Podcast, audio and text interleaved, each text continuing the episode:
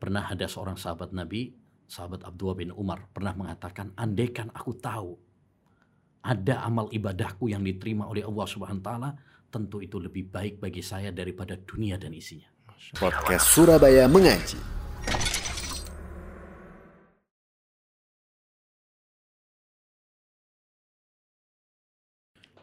Bismillahirrahmanirrahim. Assalamualaikum warahmatullahi wabarakatuh. Alhamdulillah wassalatu wassalamu ala rasulillahi amma ba'du. Kembali lagi di podcast Surabaya Mengaji, yang mana kita akan membahas topik-topik menarik seputar keislaman. Bersama kita sekarang, Al-Ustadz Abu Ubaidah As-Sidawi Hafidhahullah Ta'ala. Kita sapa beliau terlebih dahulu. Assalamualaikum Ustadz. Waalaikumsalam warahmatullahi wabarakatuh. Masya Allah. Gimana kabarnya Ustadz? Alhamdulillah, Masya Allah. Masya Allah. Kita ngomong pakai bahasa Indonesia Ustaz. ya? Masya Allah. Nggak bercanda Ustaz. Bahasa Indonesia aja, Masya Allah. Bahasa Indonesia. Baik. Nah, kita membahas berkaitan dengan apa-apa yang telah berlalu. Yang berlalu itu yang mungkin sangat penting Ustaz ya. Bahkan mungkin penting yaitu bulan Ramadan Ustaz. Nah, ketika bulan Ramadan itu berlalu Ustaz. Nah, itu terkadang orang merasa bahwa ada keraguan bahwa amalan itu diterima apa enggak sih sebenarnya oleh Allah Subhanahu wa taala nih kita udah puasa 30 hari nih Ustaz ya. Hmm. Lalu kita sudah sholat sekian banyak kita baca Quran berapa juz. Lah itu kira-kira apakah ada tanda khusus bagi orang-orang yang diterima amalannya Ustaz? Silakan Ustaz. Ya. Alhamdulillah wassalatu wassalamu ala Rasulillah wala haula wala quwata illa billah amma ba'du. Ya, tentu setiap orang yang beriman pasti berharap bahwa amal ibadahnya diterima oleh Allah Subhanahu wa taala. Karena diterimanya amal seorang hamba di sisi Allah Subhanahu wa taala itu suatu anugerah yang sangat besar. Makanya pernah ada seorang sahabat Nabi, sahabat Abdullah bin Umar, pernah mengatakan, andaikan aku tahu ada amal ibadahku yang diterima oleh Allah Subhanahu wa taala, tentu itu lebih baik bagi saya daripada dunia dan isinya. Karena Allah berfirman, "Innama yataqabbalu Allahu minal muttaqin." Allah itu menerima amal ibadah dari hamba-hambanya yang bertakwa saja. Jadi setiap eh, mukmin pasti berharap amal ibadahnya diterima oleh Allah SWT. Berdoa. Ya, itu harapannya.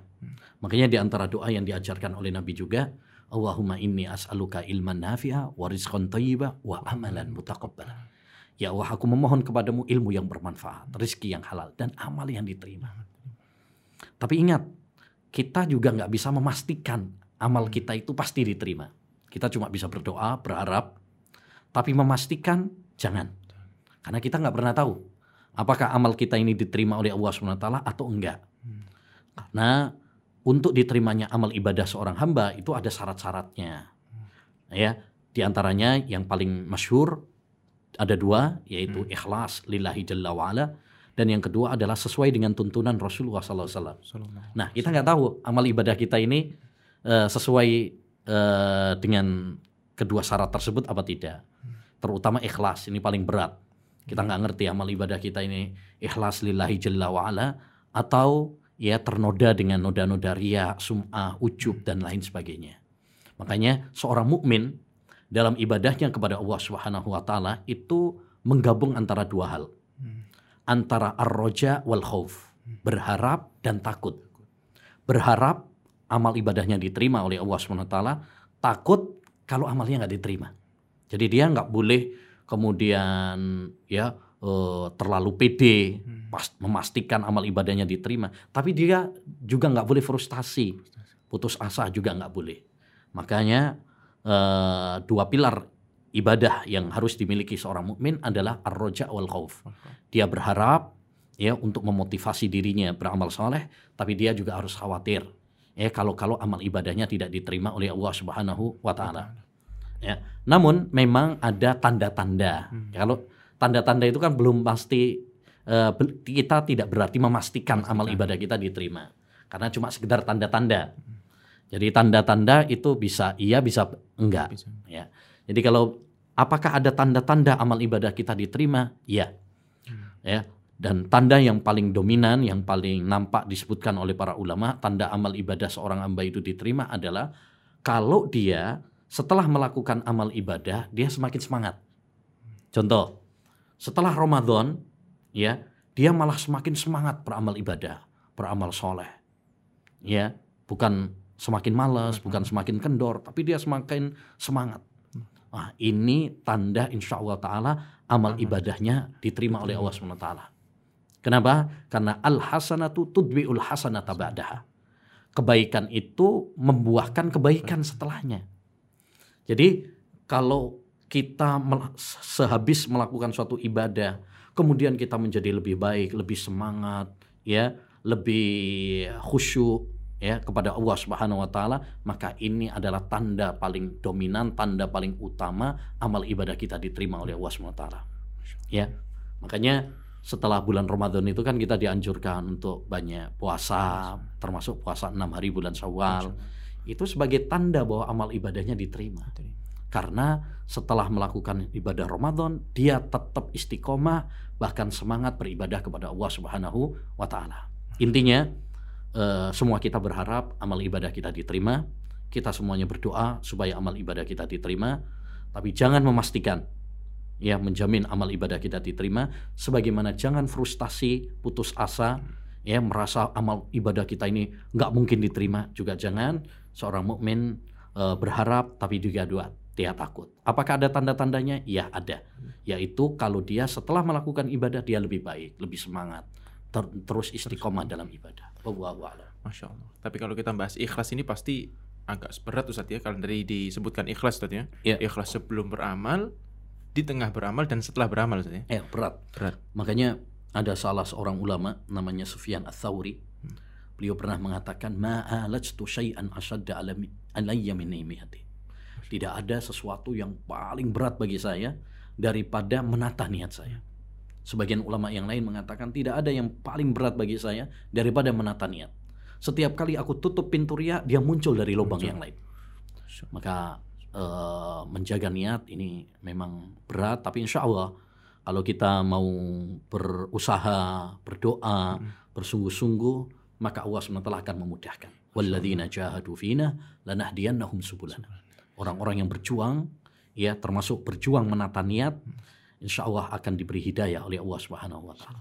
Nah, nah kaitan sama tanda-tanda tadi Ustaz, karena mungkin uh, tadi disebutkan ada tanda-tanda bahwa hmm. ketika amalan itu diterima. Yeah. Nah, ternyata sebagian orang Islam atau mungkin bahkan kebanyakan dari orang Islam itu banyak yang terjatuh ke dalam maksiat setelah selesai bulan Ramadan Ustaz. Yeah. Mungkin itu sholatnya mulai bolong-bolong lagi, hmm. mulai kendor imannya, atau mungkin mulai pacarannya mungkin di pause dulu saat Ramadan. Nah. Mulai lagi setelah pacaran, mulai setelah Ramadan. Nah, ini bagaimana Ustaz pandangan nanti menurut ini Ustaz? Ya, uh, kita harus mengevaluasi tentang hmm. puasa kita. Jadi puasa ini adalah sebuah madrasah keimanan hmm. bagi seorang hamba. Ya, kita harus memahami hakikat ibadah puasa itu apa sih? Ya, puasa kalau kita mengerti tentang hakikat ibadah puasa, ibadah puasa itu bukan cuma sekedar menahan diri dari makan, dari minum, minum. dari jima, bukan. Hakikat ibadah puasa yang sebenarnya adalah menahan seluruh anggota tubuh kita dari hal-hal yang diharamkan oleh Allah Subhanahu wa taala. Menahan mata kita dari melihat yang haram, menahan telinga kita dari mendengarkan yang haram, menahan lisan kita dari berbicara yang kotor, menahan hati kita dari dengki, dari sombong, dan noda-noda hati lainnya. Jadi ini yang harus kita fahami tentang hakikat ibadah puasa. Buah dari ibadah puasa, hikmah dari ibadah puasa, bukan cuma sekedar kita itu lapar, haus, enggak. Allah nggak pengen menyiksa kita.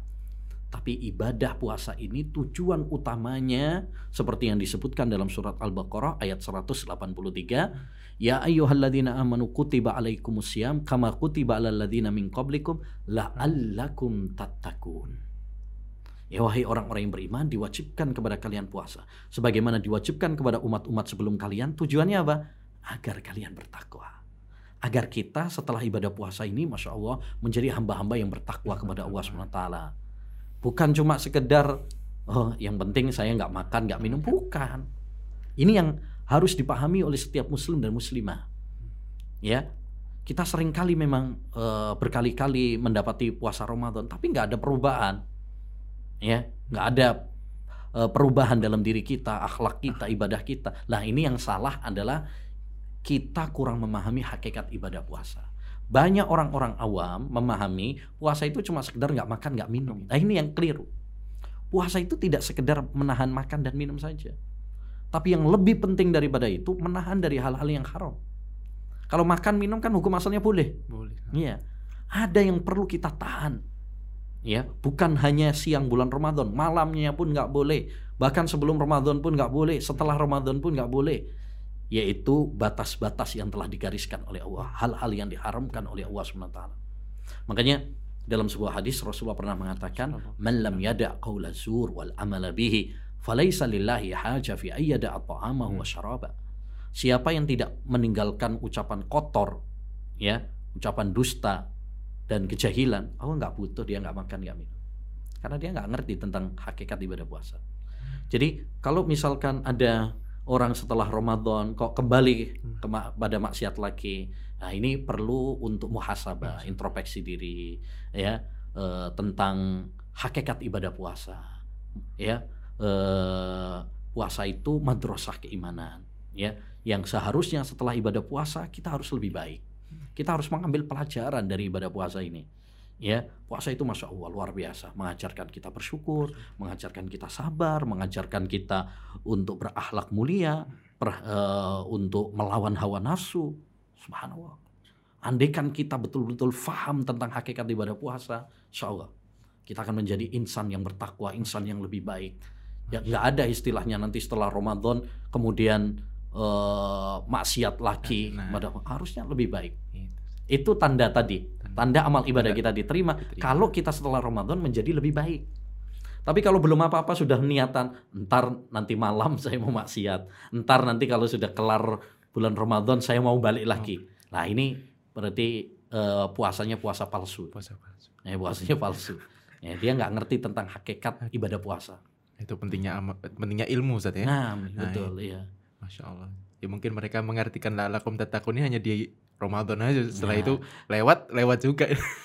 Yang jadi masalah ini Aduh. takwa itu cuma sekedar simbol saja nama. Nah. Masjid at-taqwa, baju takwa, tahu takwa. Nah, harusnya ya Mas eh, takwa itu betul-betul kita pahami, yaitu apa? Kita betul-betul melaksanakan perintah-perintah Allah dan menjauhi larangan-larangan Allah. Dan itu bukan hanya di bulan Ramadan Hmm. saja. Nah. Setelah Ramadan pun kita harus menjadi hamba-hamba yang bertakwa kepada Bertakwa. Allah SWT. Cuma puasa Ramadan ini madrasah. Kesempatan dari kita untuk belajar lebih baik. Gitu. Jadi memang harus diperhatikan ini ilmunya Ustaz. Ini penting sekali teman-teman sekalian. Jangan sampai apalagi sholat Ustaz ya. Kadang di Ramadan subhanallah. Sholat sholatnya dari subuh sampai tarawih pun ikut Ustaz. Ya. Hilang Ramadan, Nah, kembali hilang lagi. Sendalnya hilang Ustaz. Cuman sendalnya aja orangnya nggak ada.